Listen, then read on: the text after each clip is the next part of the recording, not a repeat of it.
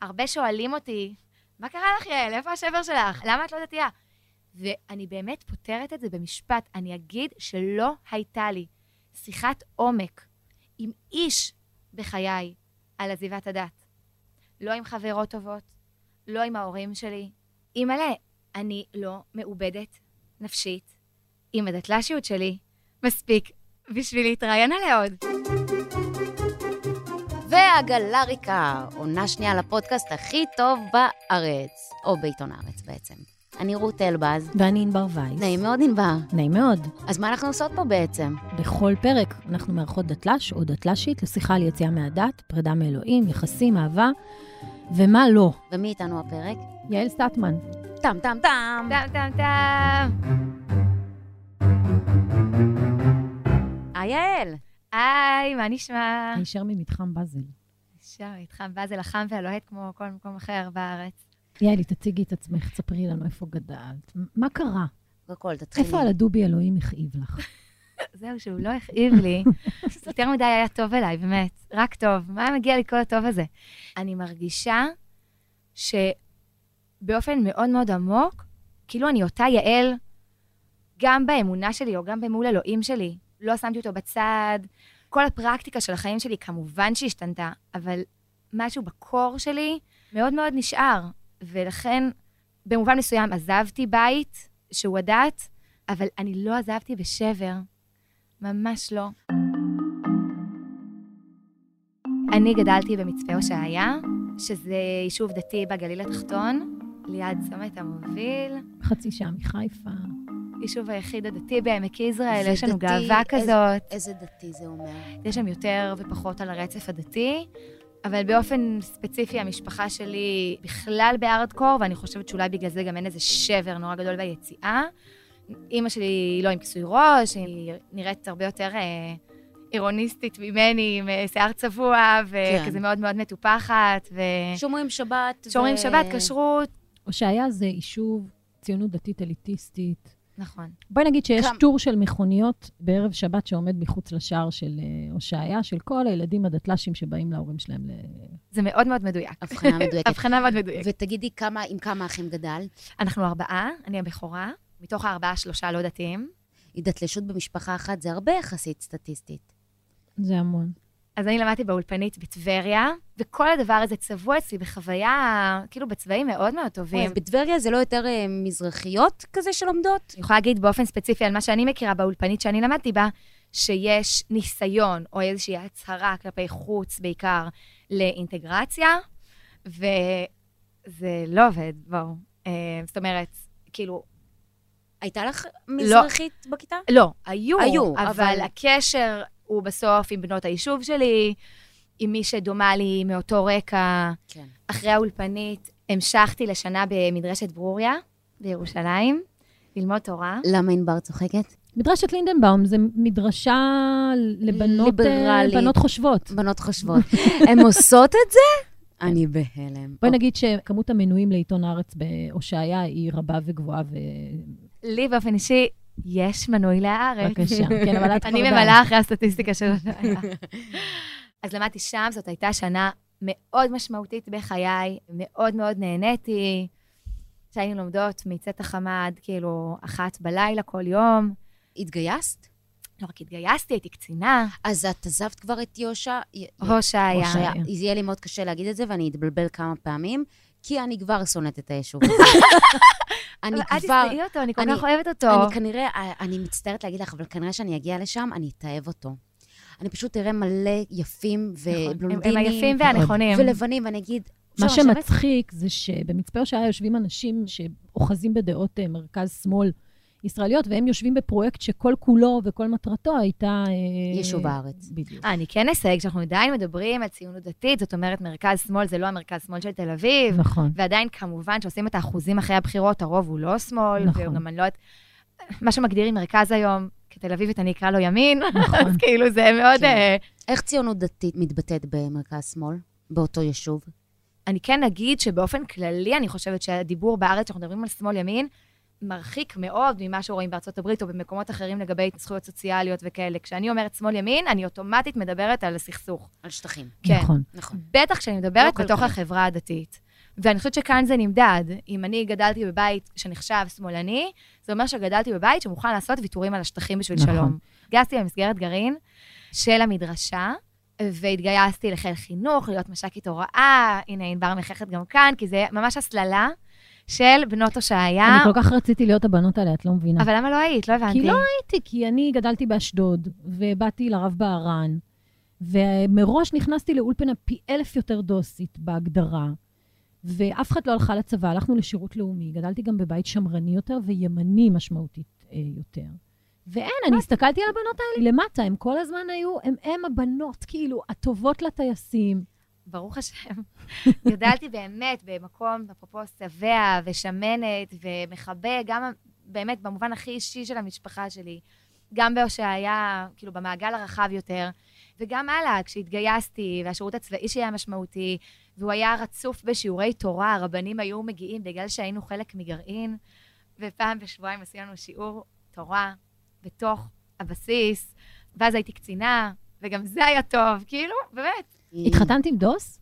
אז אוקיי, אני נשואה ליעקב, שגם גדל ברקע מאוד דומה, הוא גם בכלל אנגלוסקסי, אז אם דיברנו קודם על הפרופיל של המשפחות הליברליות וקורות הארץ, אז זה פי אלף יותר. זה עוד יותר... יעקב. יעקב הגיע כי יעקב היה הרס"פ שלי בצבא. הופה, הופה. הוא, אם הוא ישמע את זה, הוא יגיד, זה לא נכון, זה לא מדויק, אבל יותר קל להסביר את זה ככה, הוא היה הרס"פ של קורס אחריי. אנחנו חברים מהצבא בעצם, מאז שהייתי בת 19, ואחרי שהשתחררתי, עוד הספקתי לעשות כזה טיול של חודשיים עם שתי חברות, וחזרתי, וכמה חודשים אחר כך התחתנו.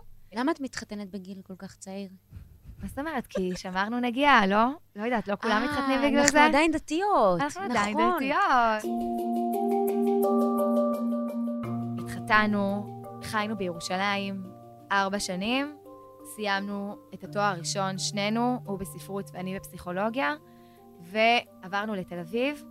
ילדתי כשעברנו לתל אביב, והתחלתי את התואר השני בפסיכולוגיה, יעקב התחיל את התואר השני בספרות, ואיך שסיימתי את התואר השני, טסנו לדוקטורט של יעקב במישיגן, והיינו עם תינוק בן שנתיים ותינוקת בת ארבעה חודשים, וואו. וזה היה מאוד קשה. וגם מישיגן, עין ארבור, ספציפית איפה שגרנו, ממש אין אה, קהילה דתית, וגם אין קהילה כל כך ישראלית. אתה צריך להמציא את עצמך מחדש, וזה כמו לעשות ריסטארט ולראות מה חשוב לך באמת.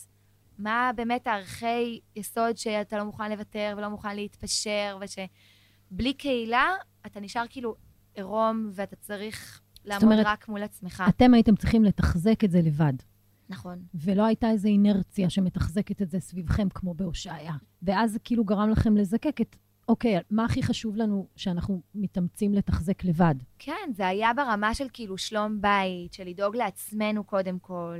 שרדנו ככה עוד שנה, ואז בשנה השנייה כבר לא שמרנו שבת יותר.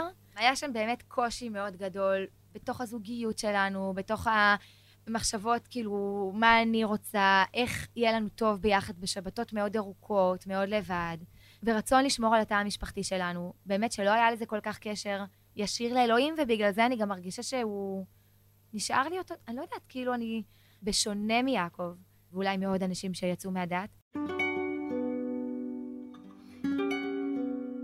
אהבתי להתפלל בעיניים עצומות, ולעשות את התנועות של התפילה, ולנסות כיסויי ראש.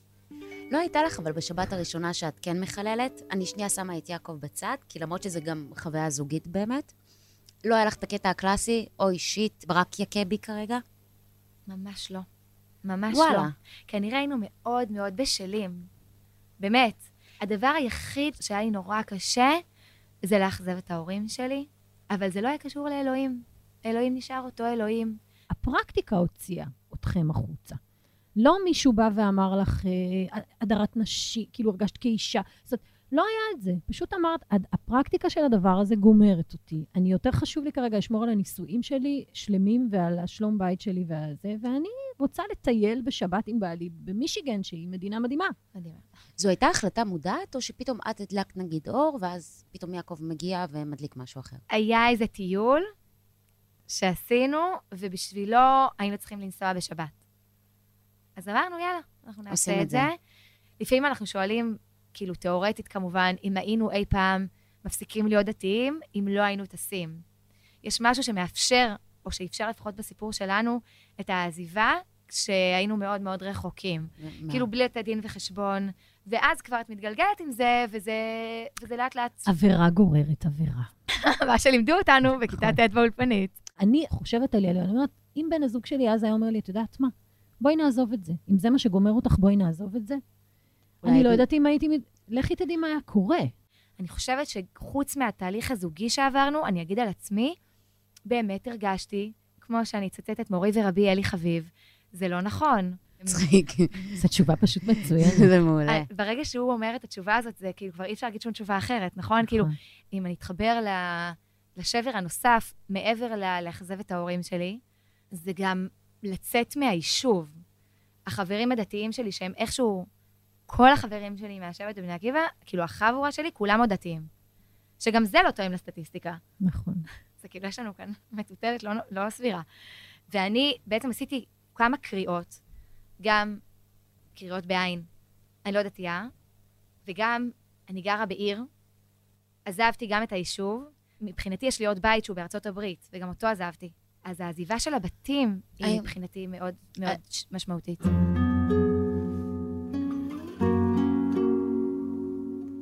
אני מרגישה ששוב אין לי מה לעשות כאן. חכי. רות, מה זאת אומרת? ואז היא עברה לתל אביב, ובדקה... ואז עברתי לתל אביב, ואז נהיה שבר ממש גדול. לא, אבל אנחנו צריכות להגיע לחפש אנחנו, אני רוצה את האביתר בנאי ממך באלבום הראשון, אני אגיע אליו, זה לא מעניין, אנחנו לא יוצאות מפה כשאת לא אומרת לי שבכית איזה לילה אחד וקראת אה, לשמיים. אני, את זה. אני צריכה שבר, תכף, אנחנו נגיע לשבר. אוקיי, נושא הפרק, שבר. אני חושבת שנושא הפרק הולך ומתברר, והוא שאפשר להפסיק להיות דתיים בלי שבר. זאת אומרת, יש שבר. איזה שטויות את מדברת. יש שבר, למה נדב אבל אבוקסיס אמר השבר את הוא זה? לא בהכרח, אבל אני מרגישה את השבר במקומות אחרים. בלהגיד, אלוהים חסר לי, או להגיד, אני כבר לא מרגישה שהוא שומר עליי, או להגיד, איך אני יכולה לאכול משהו לא בסדר, או לא לשמור שבת. אני לא מרגישה, אולי אני מאוד מודחקת, חברות, אולי אני ממש ממש מודחקת, אבל אני מרגישה את השבר במקומות אחרים. עכשיו, זה, זה, זה שבר שנראה לי שאת תאהבי, כי כאילו זה שבר מאוד קלאסי גם, הוא פשוט לא בנתיב הזה. האם את ויעקב כרגע עוברים לאיזה יישוב שמקיים באמת איזה אורח חיים מאוד קהילתי? את חושבת שזה יביא אתכם בחזרה? פתאום, לא, לא יודעת אם לשמור שבת, אבל לקיים איזה סוג של חזרה למנעד הזה? לא, אני חושבת שזאת אחת איזה הסיבות... לא החלטי. כן. כן. אני חושבת שזאת אחת הסיבות שמצאתי את עצמי נשארת בתל אביב. כי משהו בעיר מאפשר לי להיות... את בורחת! אני ההפך מבורחת, אני מדייקת את הצרכים שלי. אני מדייקת את זה שבערב שבת אחד, אני ממש ממש רוצה להתפלל וללכת לתפילה. וביום כיפור, אין מצב שאני לא אמשיך את החוט שעבר עליי עם סבא שלי, שהדבר באמת הכי חשוב ביום כיפור, ופה אני אבחן את הדתיות שלכם, זה כמובן להיות בבית כנסת כדי לשמוע את עבודת הכהן הגדול. זה לא הצום וזה לא שום דבר אחר, זה עבודת יום כיפור בבית המקדש. אני צריכה להיות בבית כנסת בשביל זה. יש כאן איזו מסורת שמבחינתי התקבעה. ולפעמים אני רוצה לחזור אליה, ולפעמים אני רוצה להתרחק ממנה. ותל אביב והכותרת הזאת מאפשרת. מתאפשרת לי בעיר. יש לי שבר נורא אז בזה שאני מאכזבת את ההורים שלי, ובזה שאני לא מוצאת מנוח לכף רגלי במובן המאוד עמוק שאין לי בית. זאת אומרת, אימא'לה, כאילו, זה לא, זו אמירה קשה. נעים לי בתל אביב. הבית שלי, במובן עמוק, הוא הושעיה. כאילו, יש אני- לי בית תראי, ואני לא יכולה לגור בו. גדלתי בסלוגן כזה שהעמק הוא חלום, והטובים באמת מגיעים ל... לא יודעת מה. טובים לעמק. טובים לעמק, כן.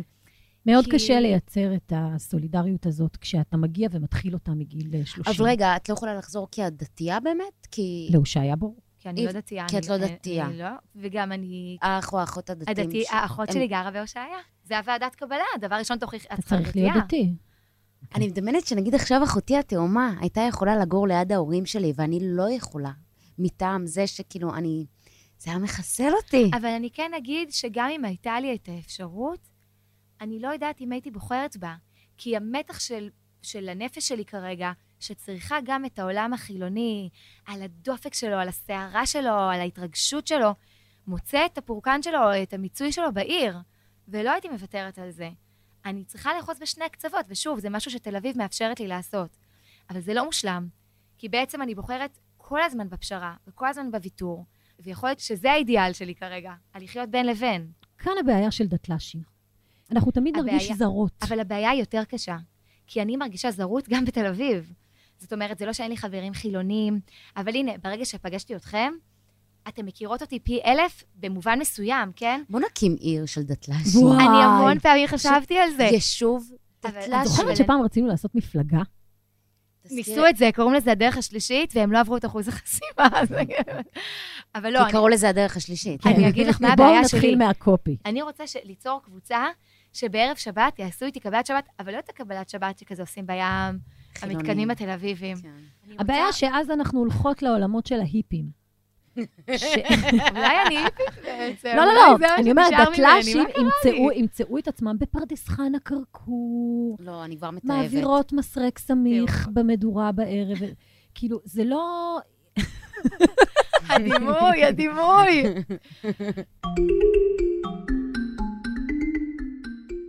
אז רגע, אני רוצה שתרחיבי על תחושת השבר, שבאמת עכשיו אנחנו מבינות לא הגיעה ממשבר האמוני עם אלוהים, אלא הגיעה מאכזבה עם ההורים.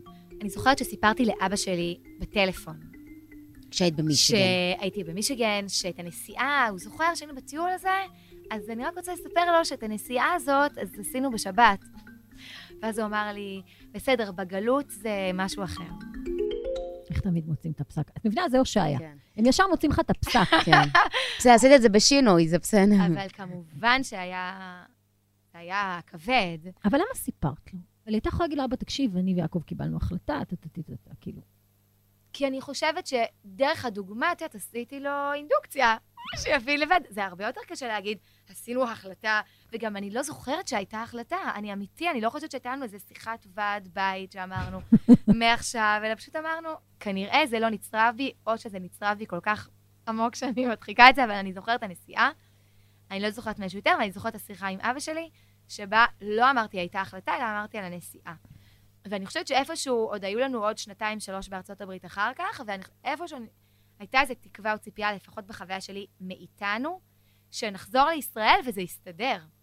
ונתרפא מהדבר הזה. המחלה. של הגלות והחילוניות. כן. וואו. וזה לא קרה. אנחנו חוזרים לארץ, חוזרים לתל אביב, ומה, האכזבה מורגשת שוב? זה לא עכשיו כאילו הכבשה השחורה, התחושה היא ממש לא כזאת. התחושה היא ש... שבאסה. מתי התחלת לכתוב? התחלתי לכתוב ממש ערב החזרה הראשונה שלנו מארצות הברית לישראל, אחר כך פשוט חזרנו לשם שוב לעוד שנה. את רואה קשר בין uh, ההתפתחות שלכם שם והעזיבה, את ידעת לזה שהתחלת לכתוב? אני חושבת שבאותו זמן היו דברים, באמת, בזוגיות שלנו, בחיים האישיים שלי, שלי מול עצמי. אף פעם לא הייתי בלי ההורים שלי או בלי קהילה מסביב. ומי אני? כאילו משהו בזהות, עוד לפני שהדת נכנסת, שהיה שם שבר. על זה כתבתי, וסביב זה כתבתי. באימהות. ואימהות, נכון. את יכולה להרחיב על השבר הזה, או שכאילו... אני חושבת לא שכאילו, לפודקאסט בגדול, הזה. של זוג שנמצא מאוד רחוק מהמערכת אה, של התמיכה, גם של החברים, וגם של הקהילה, וגם של המשפחה, וגם באמת לבד, ומנטליות, וקור, וואי, ממש הרבה זמן קר שם בשנה. ואז אה, גם הגעתי לישראל, התחלתי אה, ללמוד כתיבה בצורה מסודרת, והיה לי מאוד נוח להתבטא ככה. אני בן אדם, לדעתי, אף פעם, ו- ונכנסתי עם החשש הזה גם לכאן, אמרתי את זה נראה לי ממש בהתחלה, שזה לא מעובד אצלי, כאילו, תעזרו לי לאבד את זה, אני משתמשת בכם. כאילו, בשמחה. ממש בשביל לחשוב על הנושא הזה, אני לא מדברת עליו. אני חושבת שאפשר לסכם את זה שההורים שלה פשוט עשו עבודה נהדרת בילדות. כן, אני אומרת לך, יישוב בלתי נסבל של אנשים מושלמים. וואי, הייתי שונאת. אותם. הייתי שונאת אותם. זה כל כך נכון, זה באמת באמת כל כך נכון. עם יעקב בעלך לא דיברת על זה? לא. כמוך, הוא, אה, הוא מאוד שונה ממני, הוא מהאנשים שכאילו הייתה להם כיפה, אבל כאילו היא גם הייתה שקופה הרבה זמן, הוא כבר היה בלי כיפה, הוא לא אף פעם היה כזה רוחני, אוהב להתפלל, או... זאת אומרת, כל העניין האמוני, הרוחני, לא היה שם אצלו. כן. איזה קטע, כאילו נועדתם לזה. זה, זה ישב שם. השירים שלי, שכן קשורים לעזיבה, הם שירים או שנוגעים ברצון לרצות את ההורים שלי, וברגעים המאוד מאוד קטנים, כי שוב, לא היה לנו אף פעם פיצוץ על זה, ומספיק שאני אראה, ואנחנו כל כך קרובים שאת ה... את ה אני, אנחנו, כאילו, אני מרגישה את המתחת לפני השטח שהם לא צריכים להגיד לי, יעל מבאס אותנו בפנים, כן? לעשות כן. לי איזו שיחה נורא גדולה על זה שאני יוצאת מהם לפני צאת שבת ומשאירה את האוטו בחוץ, אבל מספיק שהם רק רמזו לי על זה בחצי משפט, וזה לא קורה יותר. דברים קטנים שאני יודעת שהם קשים ושהם מבאסים קצת, אין גיל מבוגר מדי להתאכזב, לאכזב את ההורים שלך, נכון? זה כאילו נכון. תמיד נמצא. אז או שאני כותבת על זה, או שאני כותבת על עזיבה של עולם אידיאלי, של עולם מושלם. ובאמת זאת התחושה. החברות הדתיות שלי תמיד נראות לי שלמות יותר. נכון. תמיד נראות לי מגדלות את הילדים טוב יותר. אני בתל אביב, בכיכר באזל, כל השיחות זה כאילו, וואי, איזה סיוט, וואי, מה נעשה עם הילדים, וואי, אין לי כוח, וואי, חם לי. אני נשבעת לכם, אני בסוף שבוע עם חברות דתיות, השיחות הן, אפילו השפה שלהם, זה שמכניסים ברוך השם, כן. זה שיש איזו הכרת הטוב. מצד אחד זה משטיח קצת את הקושי, שברור שיש בכל מקום, אבל גם זה מרים איפשהו, או זה גורם לך כל כן. פעם להסתכל, באמת, זה, זה נוגע בכל תחומי החיים. בדיוק.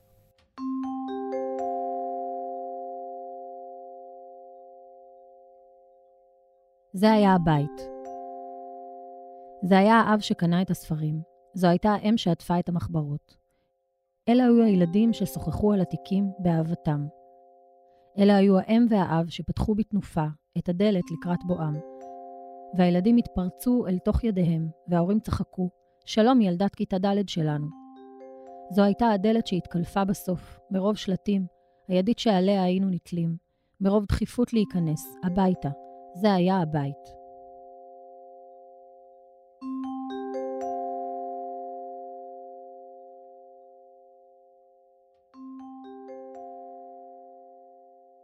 יש לך בספר שיר של תפילה על הכתיבה, הדוסית, בקיץ. זהו, שאתן מבינות, אני באמת דוסית.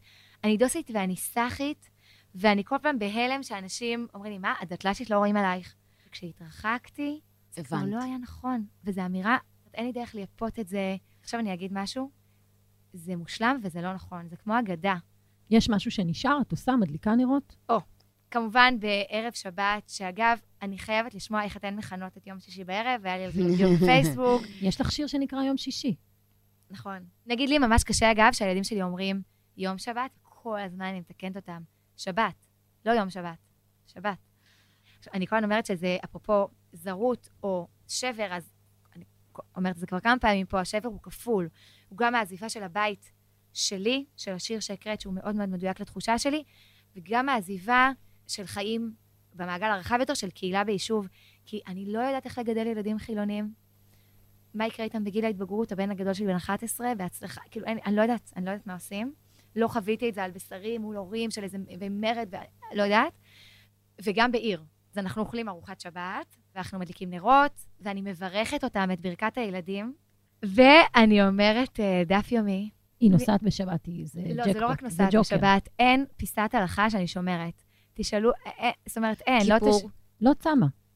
לא רק לא צמה, אוכלת הכל בהכל, על הכל, לא משנה מה. למה? לא. אני לא יודעת מה ההגדרה שלי. כי לעשות דף יומי. זה כאילו רוחניקי כזה. זה הכי לא רוחניקי, זה שכלתני, זה... חוג למגדר באוניברסיטה. אני רוצה ללמוד כזה. אני יודעת שאני צריכה, זאת אומרת, חבל הטבור שלי הוא שם, הוא עדיין בברוריה עם הרבנים שלי, ובאותה נשימה אין לי בעיה אני אגיד את זה, לאכול כאילו פרושוטו ביום כיפור, אוקיי? זה מתח שאני לא מעוניינת לפתור אותו. אני חיה בתוכו. כשאני אמרתי לסבתא שלי, כי דיברתי איתה על זה מתישהו, היא דמות מאוד משמעותית בחיים שלי, אימא של אבא שלי, מהממת ומושלמת, וכאילו מתישהו יצא לנו לדבר על זה קצת, והיא אמרה לי משהו שכאילו בקצת כזה עצב על זה שההורים שלי לא גידלו אותנו כאילו עם היראה או עם הפחד, משהו כזה, לא הטמיעו בנו את זה מספיק, כאילו, וזה החלק הליברלי, שכנראה, כאילו, אף פעם לא הרגשתי חייבת משהו, כאילו, לאלוהים, כאילו, וזה באמת נראה לי ממש לא שכיח. כל ההתבגרות שלי וכל החלקים הדתיים שעוד הייתי בחיים שלי, ועדיין, החלק הדתי, יש בתוכי עצמי דתי, עדיין, שמסתכל על חילונים בהתנשאות, וחייבים לגעת שנייה בדבר הזה. כן, ספרי לנו על זה. פה התנסות כפולה, זה גם התנסות של יישוב על עיר, ואיך מגדלים ילדים בעיר, ומה אתם עושים להם, נכון. וגם התנסות של דתיים על חילונים, כאילו חד משמעית. אל תאמינו לדתי שאומר לכם שכאילו, הוא ממש לא מתנשא עליכם, הוא מתנשא עליכם. זאת התנסות הוא מובנית. מתנשא עליכם כשהוא אומר זה את כמו זה. שהיא בדיוק, אומרת, זה אווירה מהתנשאות. הם מאוד אוהבים אתכם, אבל הם גם מאוד כאילו... כן. עכשיו, גם אני, אני חילונית כמוכם, ואני מתנשאת עליכם בגלל שיש לי רקע דתי. אני רוצה שזה זה יהיה ברור. איפה הלייקים שלי? זה אינספשן, אינספשן של התנשאות. אני חושבת שמה שלא יצאתי ממנו, והשבר שלא היה, זה לצאת באמת מאהבה. אהבה בתחושה שכאילו אוהבים אותי בבית, ואוהבים אותי החברים. וואי, זה כאילו, אימא'לה. מי- מצטערת עכשיו? שנייה, כאילו אני צריכה שנייה. שזאת, שזאת, שזה בדיוק הפוך ממה שרות חוותה.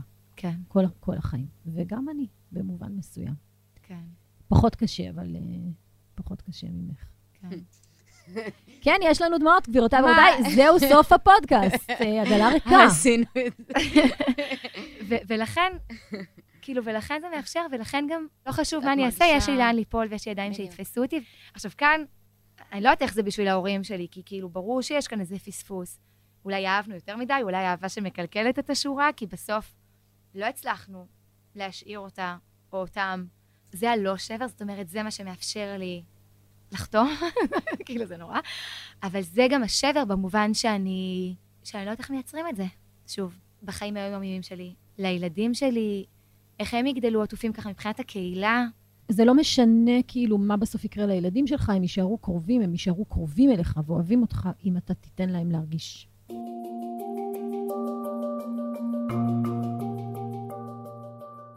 היה לי, היה לי מעניין, באמת. כן, מעניין וקשה. כן, אני גם מחבבת את הפרק הזה מאוד. שיש המון דברים בך שרציתי הרבה שנים. או, או חשבתי שאני מאוד רוצה, או חשבתי שאם יהיה לי אותם, אז הכל יהיה בסדר. אם אני אעבור לגור בהושעיה, אז הכל יהיה בסדר. וזה גם לא קרה. וגם היה לי קשה לראות את רות, שאני מאוד אוהבת אותה. היה לה קשה, הפרק הזה, גם רגשית.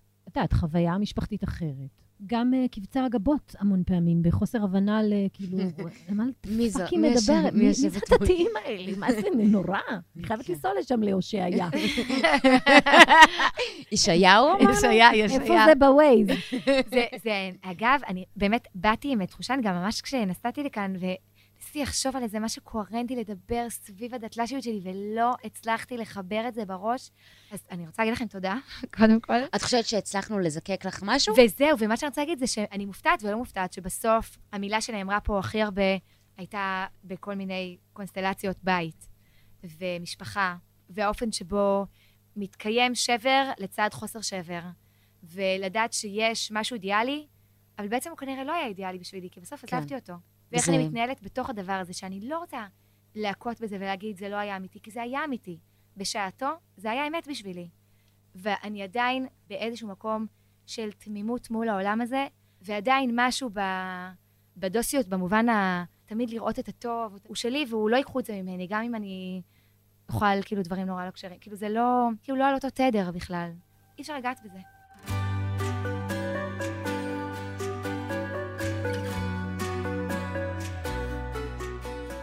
יעל, היה פרק מעולה, ממש, תודה לך. תודה לכם, באמת, באמת, זה. היה, אני, אני באמת, כאילו, אמרתי את זה, אני אגיד את זה שוב, זה השיח הכי מתמשך וארוך ומעמיק. שניהלתי על היציאה שלי מהדת מאז שהיא קרתה, כאילו, אנחנו כבר תשע שנים. שמחנו לעזור. אז זה, לעזור. כן.